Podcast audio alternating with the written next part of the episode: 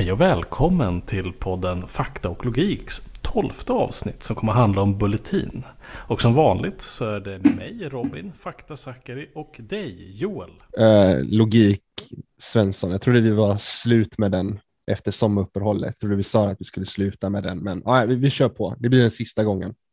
Jag tycker inte om att bli rättad så här live i radion, men Aha, okay. slide. Den här gången ah. så pass, låter det här passera. Ja, ah, okej, okay, ja. Skämt åsido, vi ska göra det här tills folk ber oss att sluta. Och än så länge så har vi inte hört en enda som har bett oss att sluta. Mm, än så länge. En, ing, ja, det, ingen av våra 90 lyssnare har än så länge hört av sig. Ja, det är viktigt med att bygga upp den här fanskaran för alla våra, våra fans. Ja, alla, alla, alla med parasociala förhållanden mellan oss som, som känner att de, de känner oss. Och ni som känner oss då vet att vi inte har varit, eh, vi har inte varit live på ett tag. Och det, det är av väldigt enkla skäl. Det har varit sommar, det har varit semester, det har varit demonstrationer som vi har hållit på med. Och, eh, ja, vi har... och vi har blivit jagade av voice-agenter. Det senaste avsnittet var för hett och de har eh, vi har varit på, fly, vi varit på flykt. Vi sitter just nu på en, ett hangarfartyg mitt på internationellt vatten där vi äntligen kan skicka ut sanningen utan att någon kan göra någonting åt det. Jag säger inte att det är vårt förtjänst. Allt jag säger är att sen vi släppte vårt avsnitt om Voi, vårt mest populära avsnitt någonsin, eh, så har eh, Mr Voi himself, Daniel Heldén eh, i Stockholms kommunfullmäktige beslutat sig för att gå till rikspolitiken och göra samma sak för landet som han gjort för Stockholm. Det gav han självförtroendet att ta steget upp. Precis. Uh, idag ska vi prata om någonting, vi ska prata om två saker. Den första saken, det är en kort liten, en liten godbit från, från utlandet. Och sen så ska vi gå till, till så kallad kött och potatisdelen där vi ska prata om, yeah. om uh, tidningen Bulletin. Men Joel, du skickade en grej till mig idag. Vad är det som har hänt? Varför, varför står du upp det här? Jag skickar många grejer till dig idag, men jag antar att du syftar på uh resultatet för en österrikisk stad som heter eh, Graz. Om jag uttalar det rätt, ingen aning. Uttalande. Ja men vadå? Det... Esta la bibliotek Graz. jag skulle säga att det var ett central europeiskt uttal. Sån här som man i en film där man aldrig riktigt vet. Vi, vi såg en film nyligen där vi inte riktigt visste var en av skådespelarna var ifrån. Och så var hon från Luxemburg. Det var verkligen så här euro, euro generellt. Men det jag vill berätta om är att i Österrike så finns Österrikes näst största stad efter Wien som är känd för att vara ett rött eh, för Socialdemokraterna, liksom ett, ett starkt fäste, Rote Wien. Nu finns det också ännu mörkrödare gräs. Eh, för i Österrike så har det funnits väldigt länge ett pyttelitet kommunistiskt parti som har hetat KPÖ. Kommunistische Partei Österreich. Och det här är ett parti som brukar få ungefär 1% i valen. Eh, och det har inte funnits något parti till vänster om Socialdemokraterna i Österrike. Och en av orsakerna är att de har en spärr på 5% eh, på nationella planet. Så det är ganska Mm. Ganska riskabelt att försöka starta liksom ett parti till vänster. Men, men på lokal nivå så har man gjort det. Uh, och hemligheten varför de har lyckats där nere i, i Österrike och just där i Graz. Det är att Eh, när, när Sovjetunionen föll så kunde kommunistpartier välja liksom några olika vägar. Ett, en väg var att ge upp och bara lägga ner. Eh, den andra var väl, en annan väg är att vara, bli väldigt sekteristiska och liksom inte vara så verklighetstillvända och sådana. Sådana partier har vi ju sett, eller hur Joel? Ja, du menar typ fragmentiseringsvägen, att de delar upp sig i massa mikropartier som typ inte, ja, som är en, äh, pff, ingenting av deras forna jag i princip. Men man är väldigt arga på de som är marginellt annorlunda än mm. sig själv. Uh, och sen så har det varit, liksom, den standardvägen har ju varit att man, man tar bort hammaren och skäran. Man, man stoppar in Lenin-bysterna i, i förrådet. Uh, och sen så försöker man liksom ja, låtsas som att det här, det här, det här Sovjetunionen, det, det hände aldrig.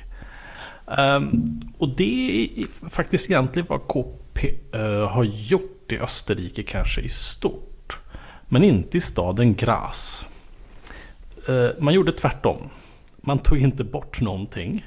Man gav inte upp. Man fragmentiserades inte. Men däremot så har man en, alltså deras, deras partilogga är hammaren och skäran.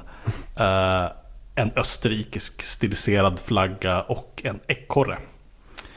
Eh, och du har ju läst lite om det här också Joel, men vill inte du bara snacka, berätta lite om varför de blir framgångsrika då?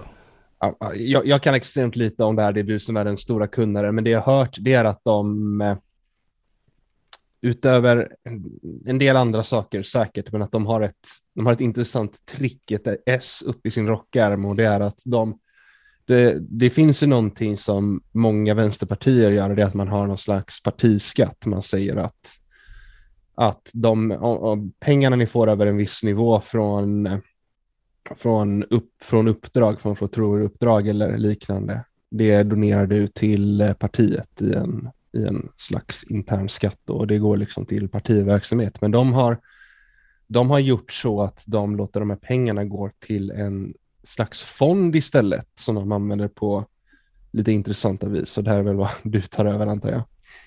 Ja, precis. Och det här är liksom, ytan är att de beslutade sig för att men vi, vi måste ju faktiskt bry oss om vad folk tycker. Eh, och formulera en idé, liksom, vad kan, vad kan liksom kommunism vara i en, en medelstor europeisk, centraleuropeiskt land? Liksom? Eh, och då gjorde de några saker. Den första grejen var väl att ja, men, stenhårt fokusera på vad folk faktiskt bryr sig om i stan. Mm. Liksom vara väldigt verklighetstillvända, inte göra någonting annat än liksom, prata med folk, prata med folk. Och sen när de kom in i parlamentet så använde de såklart den här uh, scenen man får då. Uh, och jag tror att det var, jag kommer inte ihåg exakt vilket år det var, men det kanske var 2007 eller så. Så beslutade de sig för att Jo men om, om vi är liksom ett kommunistiskt parti då, då, är det ingen, då finns det ingen poäng med att vi ska tjäna massa pengar. Om vi ska på något sätt representera arbetarklassen då kan inte vi eh, främja oss, fjärma oss allt för mycket från den liksom materiellt. Och som Joel sa, de flesta partier, socialdemokratiska och vänsterpartistiska partier har ju någon som partiskatt. Eh, vänsterpartiet är de som pushar mest för det. De kallar det för partiskatt. Eh, Socialdemokraterna ibland kallar för partiavgift eller kansliavgift. Och mm. att man tar pengar som man får från staten. Eller så du får ett arvode som riksdagsledamot eller sitta i och sen så stoppar in det i partiet igen.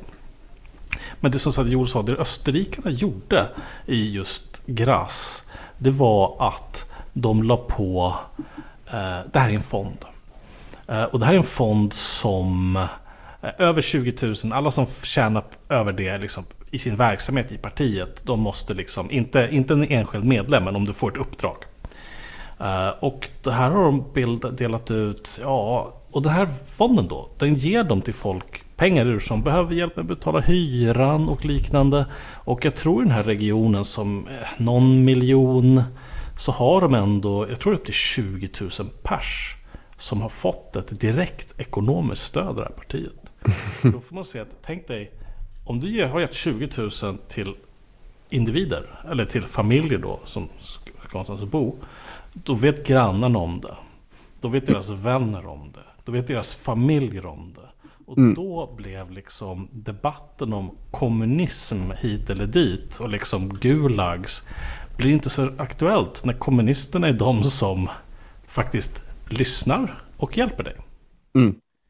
Uh, därför har jag skrivit en debattartikel här med, och här finns alla uh, siffrorna kommer finnas med uh, när jag den här um, publiceras på en, en, just nu än så länge inte uppgiven plattform. Så att, det var liksom en rapport ifrån utlandet där man kan visa att man, man kan med du kan driva radikal vänsterpolitik och bli väldigt uppskattad så mycket så att du kan vinna valet i en västeuropeisk liksom, näst största stad.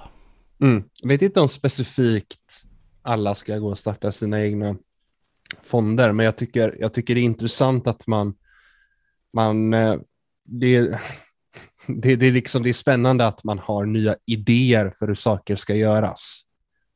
att det, det är någonting, det bara, bara att man gör något, prövar någonting nytt. Liksom, all, allting, alla, alla, alla idéer som ändå mycket bygger på, tänker jag, är ganska gamla, men det här är, här är ett nytt, nytt koncept för hur man kan föra politik på. Väldigt intressant. Jag, jag vill tillägga att eh, det är då en exit poll jag just såg om eh, det här och det sa att de får ungefär 30 procent röster i den här staden. Ett, det största partiet. Ja, ja det är, då blir de största av alla faktiskt. Ja. ja. Jag, kan inte det politiska läget så väl, så jag vet inte om det betyder att de kommer att vara delaktiga i deras kommunfullmäktige eller något sånt. Men... Eh, de sitter ju, det finns ju liksom kommunfullmäktige och sen så finns ja. det kommunstyrelsen. Så ja. jag vet inte exakt hur det kommer bli, men det, det, det, vi har är väldigt unikt. Alltså det finns ju olika kommunistpartier till exempelvis i eh Portugal, annars mer så sydeuropeiska länder så har du haft liksom vissa ställen där kommunistpartiet har varit starkt. Men det här är första gången som ett liksom, uttalat kommunistparti i ett västeuropeiskt land har liksom nått sådana framgångar. Ja, ja. På väldigt lång tid. Eh, precis i, vi, vi vet ju också hur det har gått för liksom de norska partiet, norska partiet Rött nyligen. Ja, jag tänkte, jag tänkte på dem och du, du tog lite upp om deras branding, att de fortfarande använde hammaren och skäran i något skede. Ja, när, jag, när jag kollar snabbt på dem, jag har det uppe här, jag ser inte så liksom mycket av den typen av av, av bildspråk. Det påminner just väldigt mycket om rött. Alltså, jag, jag, jag, dömer, jag bedömer sådana här partier väldigt mycket ifrån hur deras webbsidor ser ut och det är för att jag själv är webbdesigner delvis, men också för att det är det jag tycker det säger någonting om ambitionsnivån om du har liksom din, din, din stil, stil på din st stilen på liksom hur du presenterar eh, din sajt, det som ändå är ett ställe där många kommer och ser ditt parti för första gången. Det säger mycket om eh, vad din ambition är och vilka du vill nå ut till. Och det, är, det, är, det är väldigt modernt, cleant, det är mycket, alltså, man tänker på typ svenska kommunistiska mikropartier så är det ju liksom inte ambitionsnivån för sånt där är inte så jättehög. Men både rött och dam, det, det, det ger liksom en bra känsla av att det är någonting som är på gång. Precis, jag skulle säga att liksom deras framgångar på, började för ganska många år sedan där i, i Gras. Så att, jag var inne och kollade på deras hemsida ganska långt innan eh, och den var jätte, jätteful. Men så att någonstans så är kanske det viktiga man ska prata om, det kanske inte det kanske är att man, man börjar någonstans. Man, man börjar hacka någonstans och så testar man sig fram. Och det har de liksom gjort och sen har de liksom nu börjat liksom bli ja, men väldigt liksom slipade jämförelser. Samma sak med rött. Mm. Mm. Nu ska vi prata om kanske den absoluta motsatsen till österrikiska kommunister och svenska brunblåa. Motsatsen på alla plan. Motsatsen, de, här, de, de första vi pratar om, det är några som har nått enorm framgång och som är på frammarsch. På andra sidan har vi Bulletin som har varit på, på de, har, de har gått närmre ravinens avgrund sedan de började skulle jag säga. Och för de som inte är så här superinkörda på tidskriften, eller förlåt, tidningen, nättidningen Bulletin. Kan inte du bara ge en snabb överblick av deras början och lite av deras problem? Uh, och sen så kan jag berätta lite om hur jag rä räknat lite på Bulletin tidigare och oh. resultatet. All right, all right. Historien är att det finns en klåpare som heter Tino Sanandaji. Uh, som, uh, han, är, han är liksom en en slags en, eh, ja, en, en av brunhögens enorma citattecken på detta, men en av deras intellektuella, så att han liksom presenterar saker som de vill, eh, vill se. Liksom om att invandring är dåligt och det är ohållbart och så vidare. Och sen så typ skriver han böcker om det. Han kan säga saker på ett sätt som låter aptitligt. Liksom. Ja, för att det, det finns en törst, törst för att tvätta, i, tvätta invandringsfientliga idéer genom, genom en intellektuell fernissa. Och det är det som han uppfyller. Så han, är, han är en av de som, som liksom fundraisar till Kickstarter, exempelvis för att typ skriva böcker som eh, bekräftar vad de här personerna redan tycker. Intressant nog så, så har det strulat lite med det. Det finns insamlade pengar för en, för en bok som inte har kommit ut än. Men jag, jag tänker inte prata för mycket om det. Men det, det, det, det, det finns en anledning till att han har lite ryktet som en klåpare utöver det som har hänt på Bulletin. Han är fortfarande dock väldigt uppskattad för att han har haft ganska stor eh, fått ganska stor räckvidd på, på de sakerna han har gjort. Han har bland annat skrivit en bok som jag tror heter Massutmaningen. Som, en, som, är, som handlar om ja, invandringspolitik. Och massutmaning, det är en, det är en uh, eufemism för liksom att man, man pratar om massinvandring. Um, han då, han då bestämde sig för att mitt nästa projekt innan jag har gett ut min bok som jag har crowdfundat för men aldrig gjort färdigt, det är att jag ska starta en nyhetssajt. Eh, och med väldigt höga ambitioner, inte bara en eh, Alltså inte bara liksom ett magasin, utan det här ska vara, som han själv sa, det här ska vara som New York Times. Det här ska vara folks första sida. Du ska gå in på den här sajten, inte bara för att få dina idéer om invandring bekräftade, utan för att läsa annat också, kanske kolla vad vädret är. Du var på väg att säga någonting Robin. Ja, alltså tidningen lanseras med väldigt stora ambitioner. Um, och vi ska stanna kvar lite här med New York Times. Ja. För det är ju någonting som... Eh, med, alltså innan Bulletin ens fanns så fanns det ju en väldigt behov av svensk media att skriva om en mediasatsning. För att det finns inget journalister älskar så mycket som att prata om media. Mm, okay. ja. Och eh, då sålde de in det här och sa det här är som en svensk New York Times. Och då tycker folk så här, New York Times, det här är någonting bra, det här är någonting stort. Och det, och det är ah. stort. Men ska vara väldigt tydligt, när vi kommer prata om Bulletins kvalitet ja. vid New York Times så är den här podden en podd som inte alls har någon som nej, nej, nej, nej, nej, precis. Vi får skilja på New York Times. Ja, vi får skilja på den allmänna föreställningen av vad New York Times är.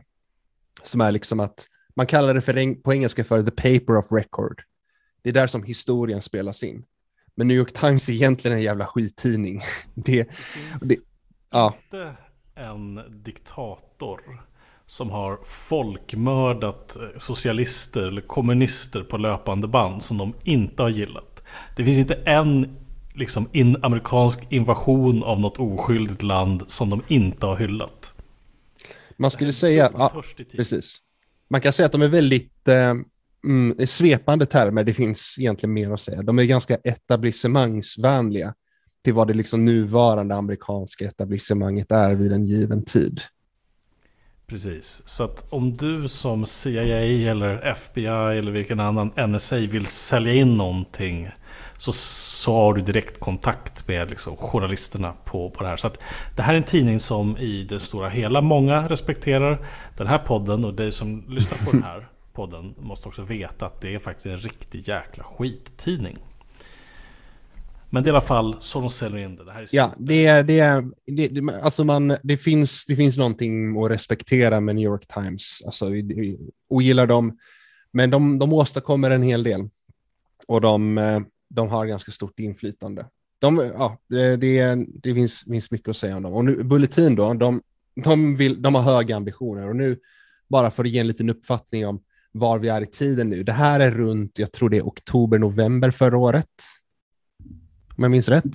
Då är det, då är det prat om den där mediasatsningen och det börjar, jag tror det börjar faktiskt eh, läcka lite, att det här inte är planerat, för det dyker upp information om den här satsningen i, eh, i media som inte är liksom bara att någon har planterat det, man, utan att det är mer, lite mer skvalleraktigt. Vi pratar om vilka skribenter man har fått med och prata om finansiella detaljer och så. Uh, runt november som sagt. Um, sen kommer vi till december då, som är själva lanseringen av allt det här då, där de ska lägga ut allt. Och kanske ska, kanske ska prata lite om mina upptäckter där, om vad jag hittade faktiskt själv. Mm, pip, bara pip. Uh, vi, vi, vi, vi pratar bara om det som, bara det som är offentligt. De, present, de, lägger ut, de kör, kör igång sin sajt lite stressat därför att tydligen är det så att det är interna problem redan från start. Tino Sanandaji då som bestämmer sig för att inte bara vara för att, för att inte bara vara ägare utan också ha en väldigt aktiv roll i hur sidan sköts. Han är väldigt, väldigt micromanaging. Han går och styr detaljer och han vill att eh, de ska marknadsföra det här så fort som möjligt. Så sidan lanseras, eh, det, var, det var tanken var att den skulle lanseras i december först. Men eh, den, den lans... Fan, var det den lanserades nu igen? Det, det viktiga är väl kanske att säga att den, den lanseras väldigt ofärdigt format. Ja, jag, jag, var säker på att jag hade det där i huvudet, men jag måste nu när jag... Det är en sida som ser förjäklig ut. Nästan ja. inga av funktionerna som är utlovade kommer.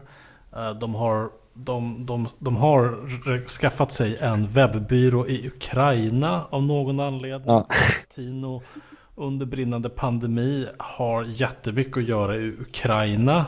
Eh, det kanske ska behövas ett helt avsnitt om vad, vad människor som Va, va, ja. Varför man åker så mycket till Ukraina? Ja, det, det finns lite personlig inblandning med, med, för mig där att berätta om, men det är av, av, eh, av anledningar kring fokus för vad det här avsnittet handlar om så ska vi inte gå in för mycket om det.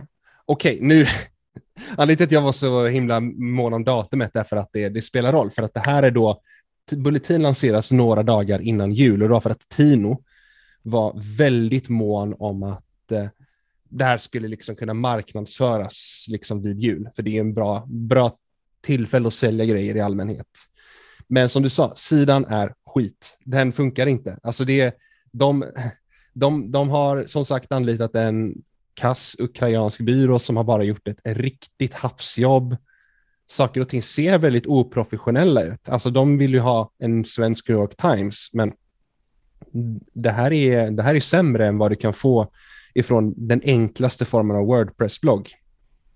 Du ska konkurrera med en massa liksom. Det finns väldigt mycket. Om du är en högermänniska som hatar invandring. Ja. Det finns ingen brist på ställen att stoppa dina pengar. Så att det här måste ju vara en produkt som lyfter liksom det liksom slasket till någonting som ser ut att vara någonting. Ja, men det ser, det ser, ut, att vara, det ser ut att vara skit. Um, och eh, det blir problem redan från början. Det är inte bara så att det ser kast ut. En, väl, en detalj som egentligen borde vara, alltså jag, jag förstår inte hur fan de kan ha lagt ut sajten utan att ha det här på plats. Det finns inget prenumerationssystem. Med andra ord så kan de inte få in pengar. De kan få in pengar genom att de typ har en halvdan lösning där man kan swisha för att få en gåvoprenumeration. Och de får in en del sådana för att alltså Tino och alla de här skribenterna som de har rekryterat som är eh, hela kärnan i Bulletin egentligen. De har rekryterat folk från, från Paulina Neuding från, till eh, Alice Teodorescu. Paulina Neuding ja. varit en av redaktörerna på en högerextrem internationell sida som heter ja. Klett Ja.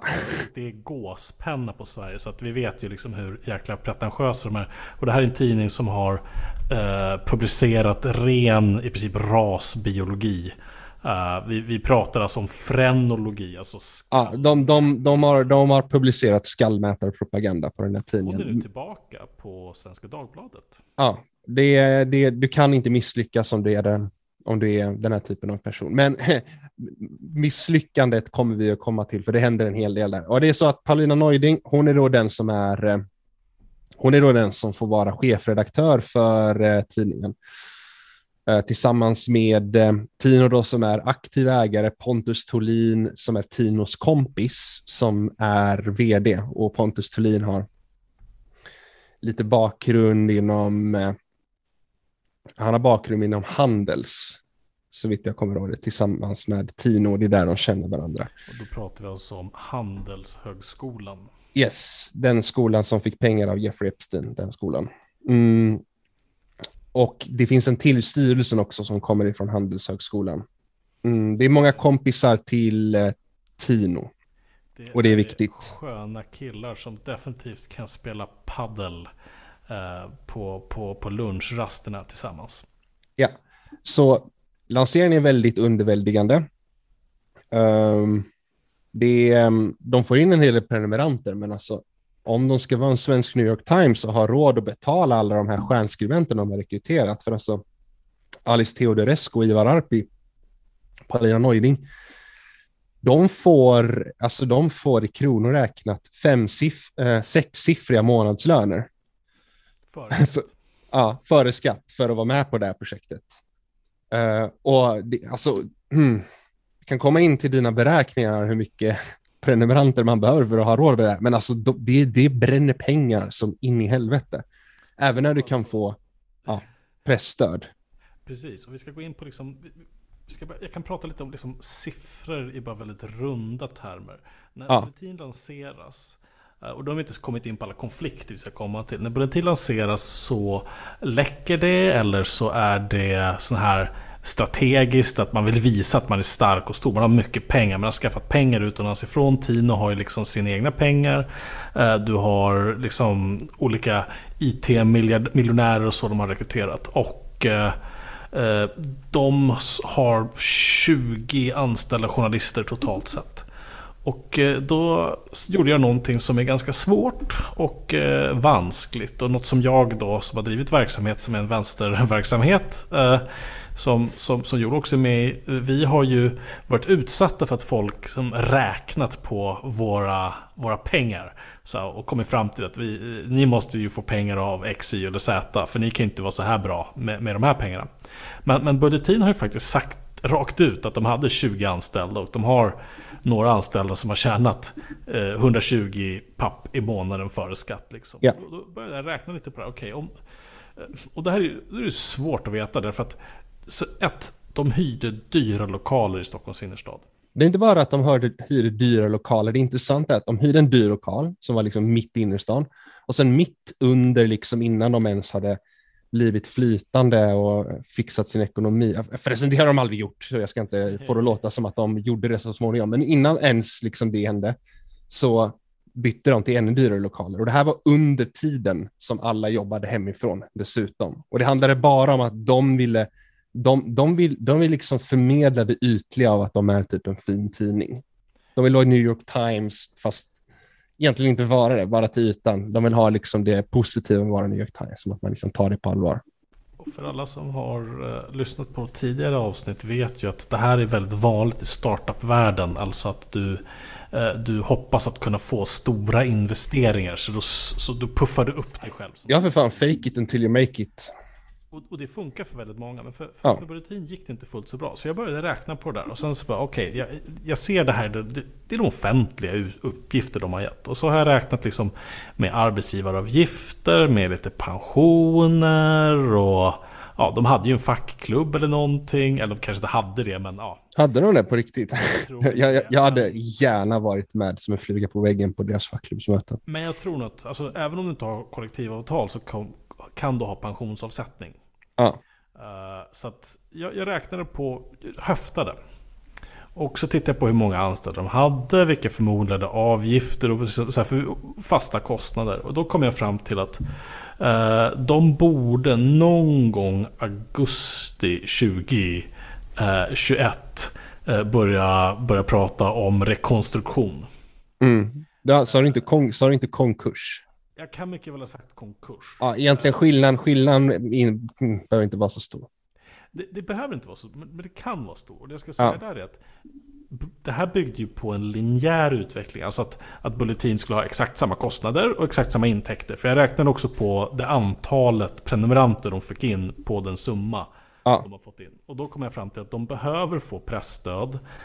Eller så kommer de att hamna i väldigt stora ekonomiska problem någon gång i augusti 2021. Nu, nu spelar vi in den 26 september så att jag är väl någon månad off. Men till mitt försvar kan jag säga att Bulletin har ju gjort sig av med... Mm. Ja, vi, vi, vi, kom, vi kommer att komma till, eh, vi kommer att krypa långsamt närmare historien nu. Vi är fortfarande i januari Ja.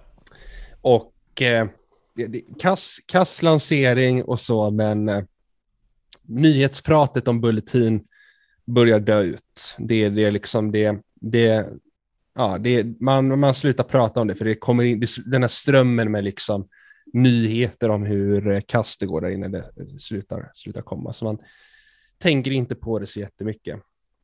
Och sen går vi in i februari och i slutet av februari tror jag det här, då, börj då börjar egentligen, då som den, det är då som de troligtvis har gjort Robins beräkning och börjar bli väldigt, väldigt stressande inne på Bulletin, för det går totalt åt skogen. Alltså, det har visat sig att Tino har, har, eh, har varit väldigt micromanaging. Han har gått in och varit intensivt med i arbetet hela tiden. På ett sätt som man inte egentligen borde göra när man är bara ägare. Och samma sak med vdn Pontus Tolin. De har, de har gått och styrt väldigt mycket över det, över det redaktionella och så. Man får vara tydlig med en grej här och det är att alla inblandade i projektet Bulletin, de, de, de, vill, de, vill, komma, de, vill, de vill syssla med eh, invandringsfientlig propaganda. Så ingen är egentligen god i det här fallet. Men Nej. när det går dåligt, då skriker man hårt när någon trampar dig på tårna. Det är då som det spelar väldigt stor roll. Det börjar läcka ifrån Bulletin, alla de här problemen. visar att Paulina Neuding har typ varit sjukskriven eh, på grund av eh, utbrändhet. Och de, det börjar läcka dessutom interna möten de har som är helt vansinniga. Alla i princip skriker på, skriker på varandra för att eh, ja, det, det, funkar inte så bra. De har inte fått de peng, liksom prenumerantantalet. Det är inte på den nivån de vill att det ska vara och ja, folk är inte glada.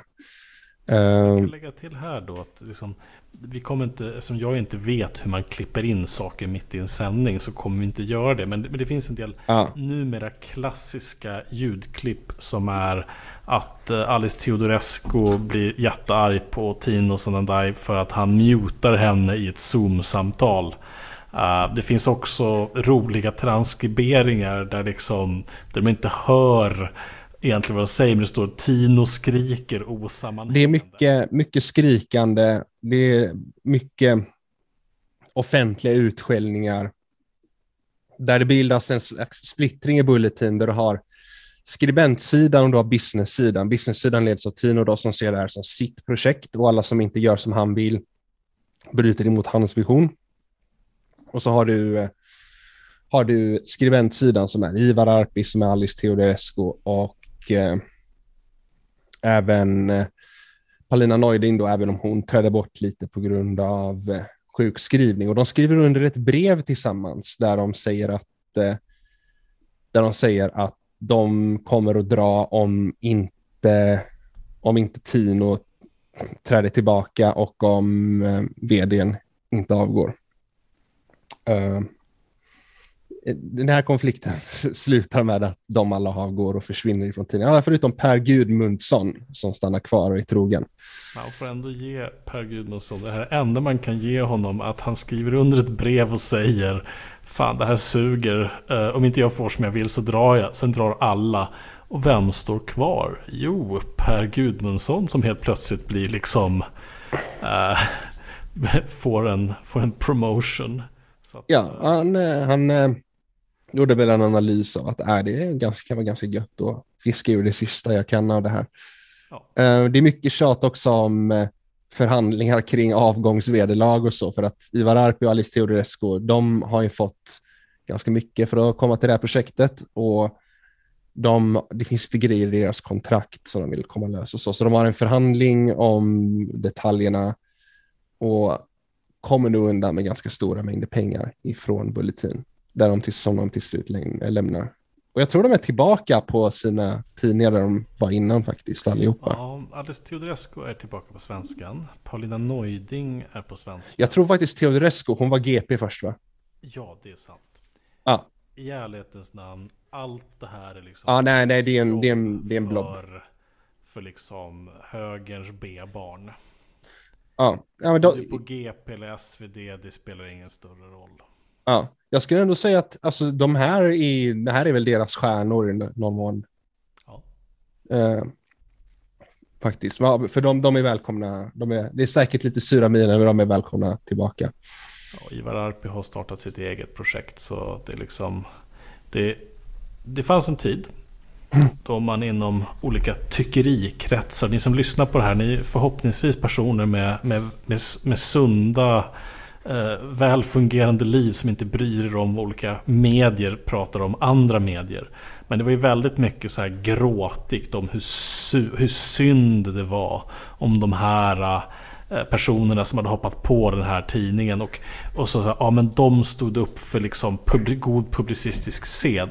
Den enda skillnaden egentligen mellan hur Tino Sanandai ville att tidningen skulle vara och de här människorna vill att det skulle vara Det är ungefär liksom moraliskt en millimeter Och det är mycket mer personkonflikt som ja, och, och, och, en detalj på det, det hade inte varit det hade inte, inte varit något bråk alls om allting hade gått bra. Hade de fått in alla prenumerationer de behövde och skeppet liksom var flytande, då hade det inte varit någon konflikt alls. Det har till och med, det har till och med läckt att Palina Neuding beordrade mer invandringsfientlig rapportering på nyhetssidan. Och att hon exempelvis krävde att så fort det hände ett brott så skulle man ringa Morgan Johansson och fråga om det. Och det är, ett takti- det är, en, liksom, det är en politisk taktik för dem, eh, strategi från dem för att de vill, eh, de vill, få, de vill få allting som händer, alltså var, varje brott som begås så handlar om att Morgan Johansson inte har gjort tillräckligt om det. Jag har inte bara tänkt tillräckligt om det utan det är att det är en viss typ av människor som vi måste prata om hela tiden. Ja, det, liksom... ja det, det, det, här, det här är ju såklart kring viss typ av brottslighet som man kan, eh, som man kan på något sätt få folk att tänka handlar om invandring. Precis. Så de, de, de, de, de ja, jag, jag, förstår vad du pratar om. Alltså jag blev väldigt provocerad av att se viktiga personer från Aftonbladet och Dagens Nyheter prata om sin, det de här tyckte det var fantastiskt. Alltså, det, det var det roligaste jag har sett på länge, att de här avskummen satt och för, förgörde varandra. Um, och nu är vi tillbaka här igen och pratar om Bulletin. Ja. Och det är ju för att det här var i typ eh, mars, februari. Det var mycket kul som hände. Det finns massa detaljer om även, de tog in en webbutvecklare som skulle fixa det ukrainska havsbygget som, som verkligen eh, älskar Tino och det verkar vara hans nya sätt att rekrytera nu. Att han bara tar in folk som inte har någon som helst möjlighet att hävda sig själva, bara liksom kan styras av han. Ja, och det har ju varit några månader varit lite tyst. Något som, yeah. som, som du Joel har gjort under tiden är att du har faktiskt kollat med svenska myndigheter. Men vad, vad har de skickat in då? Alltså, för deras, deras idé var ju att skaffa sig en prenumerantstock tillräckligt mycket så att du får ovanpå det Eh, får på um, uh, pressstöd. För att jag räknade, min inräkning var ju att du klarar inte efter den här tiden utan att få det här pressstödet. Och för varje månad, du har ju återkommit och kollat med eh, pressstödet. Ja, det, det, var, det var en liten stund sen senast. Det var faktiskt någon månad sen eller två jag tittade. Då hade de skickat in ansökningar om pressstöd som nog inte skulle gå igenom. För det finns regler för pressstöd. Du kan inte bara starta en tidning på en månad och få pressstöd, utan du har liksom krav på att det ska finnas ett litet tag och ha ett visst antal, antal prenumeranter. Mm. Men det som har hänt nu den här månaden, det är att vi får nyheter om att eh, det knakar igen. Bulletin står inför rekonstruktion då som eh, deras vd Pontus Tolin vill genomföra. Tino vill inte göra det. Det, är en, det, det, ja, Eh, det, det fortsätter det här att man har olika syn på verklighet och ej. Ehm, men utöver, utöver det så har också deras, eh, deras nya chefredaktör är 27-åringen som var redaktör för deras podd. Ehm, Jannik Svensson som har inte haft något så här stort gig någonsin som kommer ifrån Ålands tidningen har jag för mig men som eh, nu eh, är deras chefredaktör.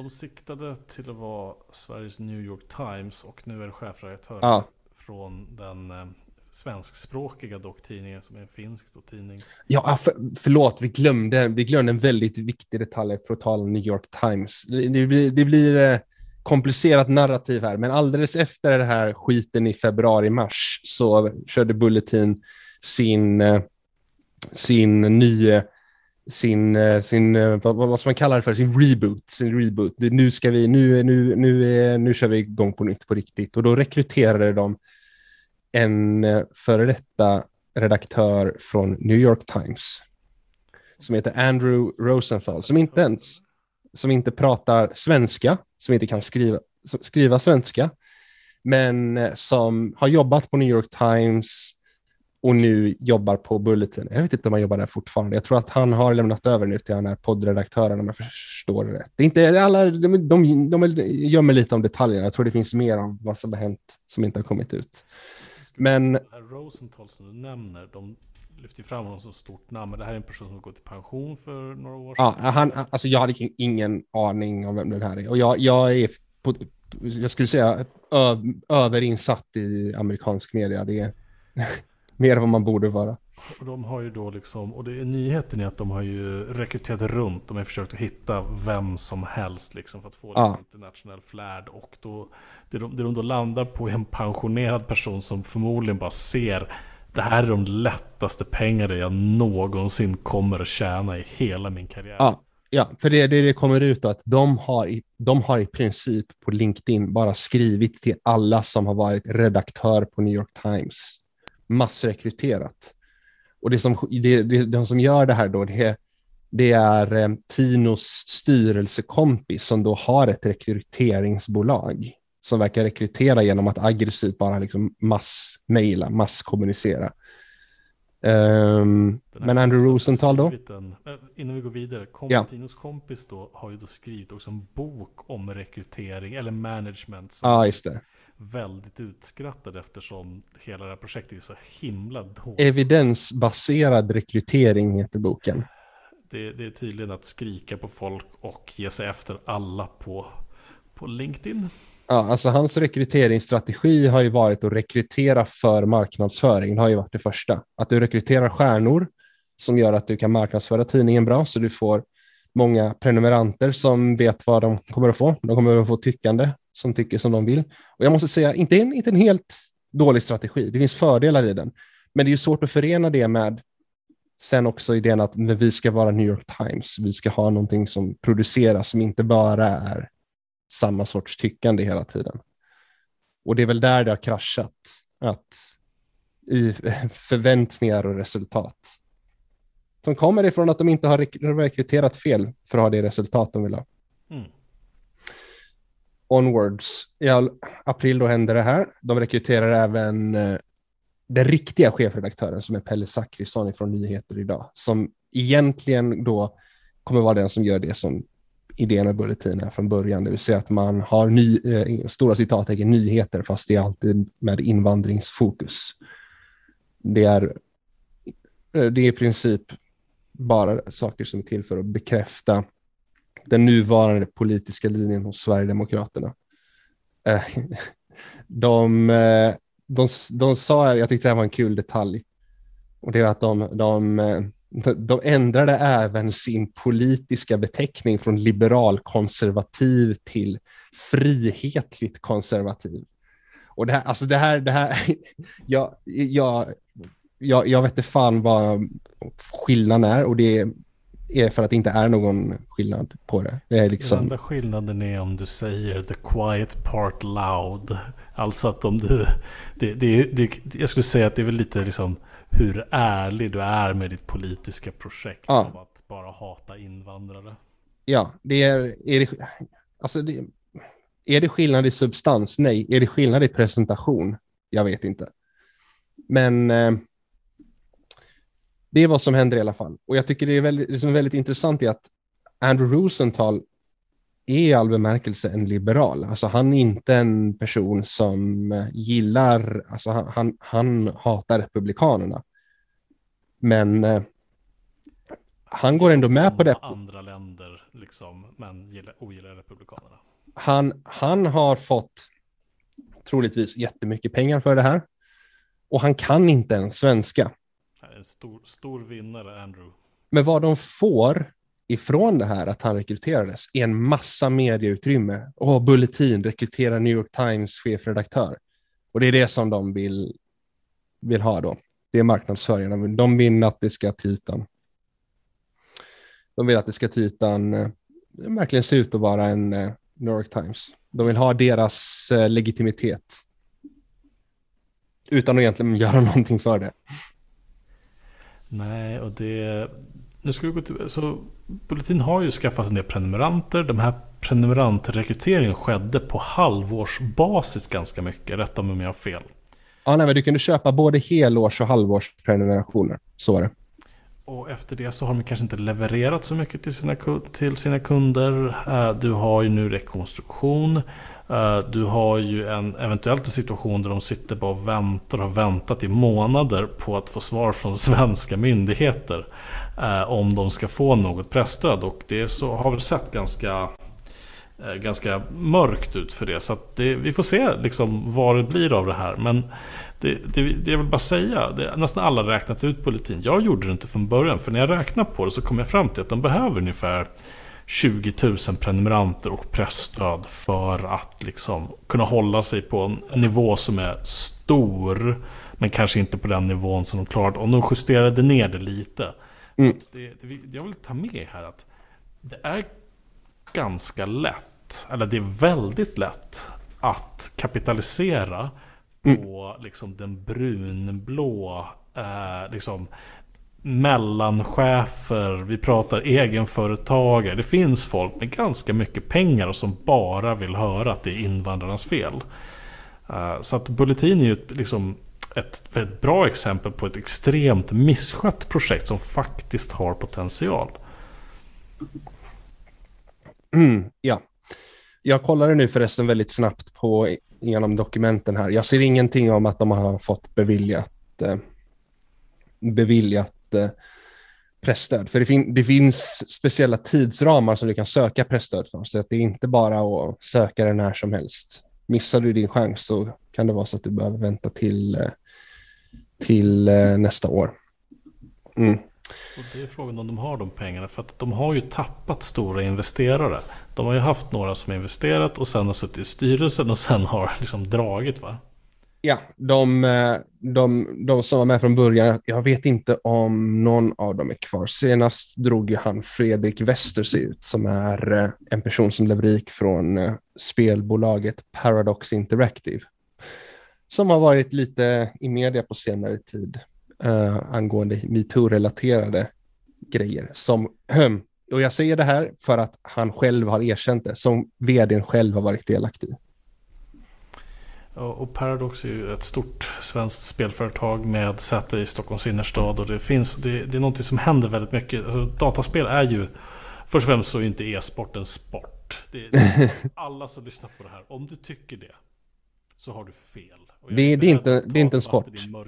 Det är inte sport. Jag, jag spelar dataspel. Eh, eh, vissa dataspel har även spelat på tok för mycket. Men ja, nej. Mm. Jag vill att alla här som lyssnar på ska veta att jag har spelat Super Mario-spel sedan 1987 och jag tänker inte sluta med det. Nej. Men det, just inom spelbranschen det är bo, boomer, boomer käft, dataspel. Käft, käft. Nej, men det man kan säga här är att eh, spelbranschen är extremt stor. Det finns extremt mycket pengar. Så det är inte konstigt att det finns en svensk, rik, reaktionär liksom, gubbe bland det här. För att vi har några väldigt framgångsrika svenska spelbolag. Och vi ja. kan se i internationellt i att de här spelbolagen har bara vuxit och vuxit. Jag tror de omsätter mer än hela Hollywood. Liksom hela filmindustrin, spelindustrin.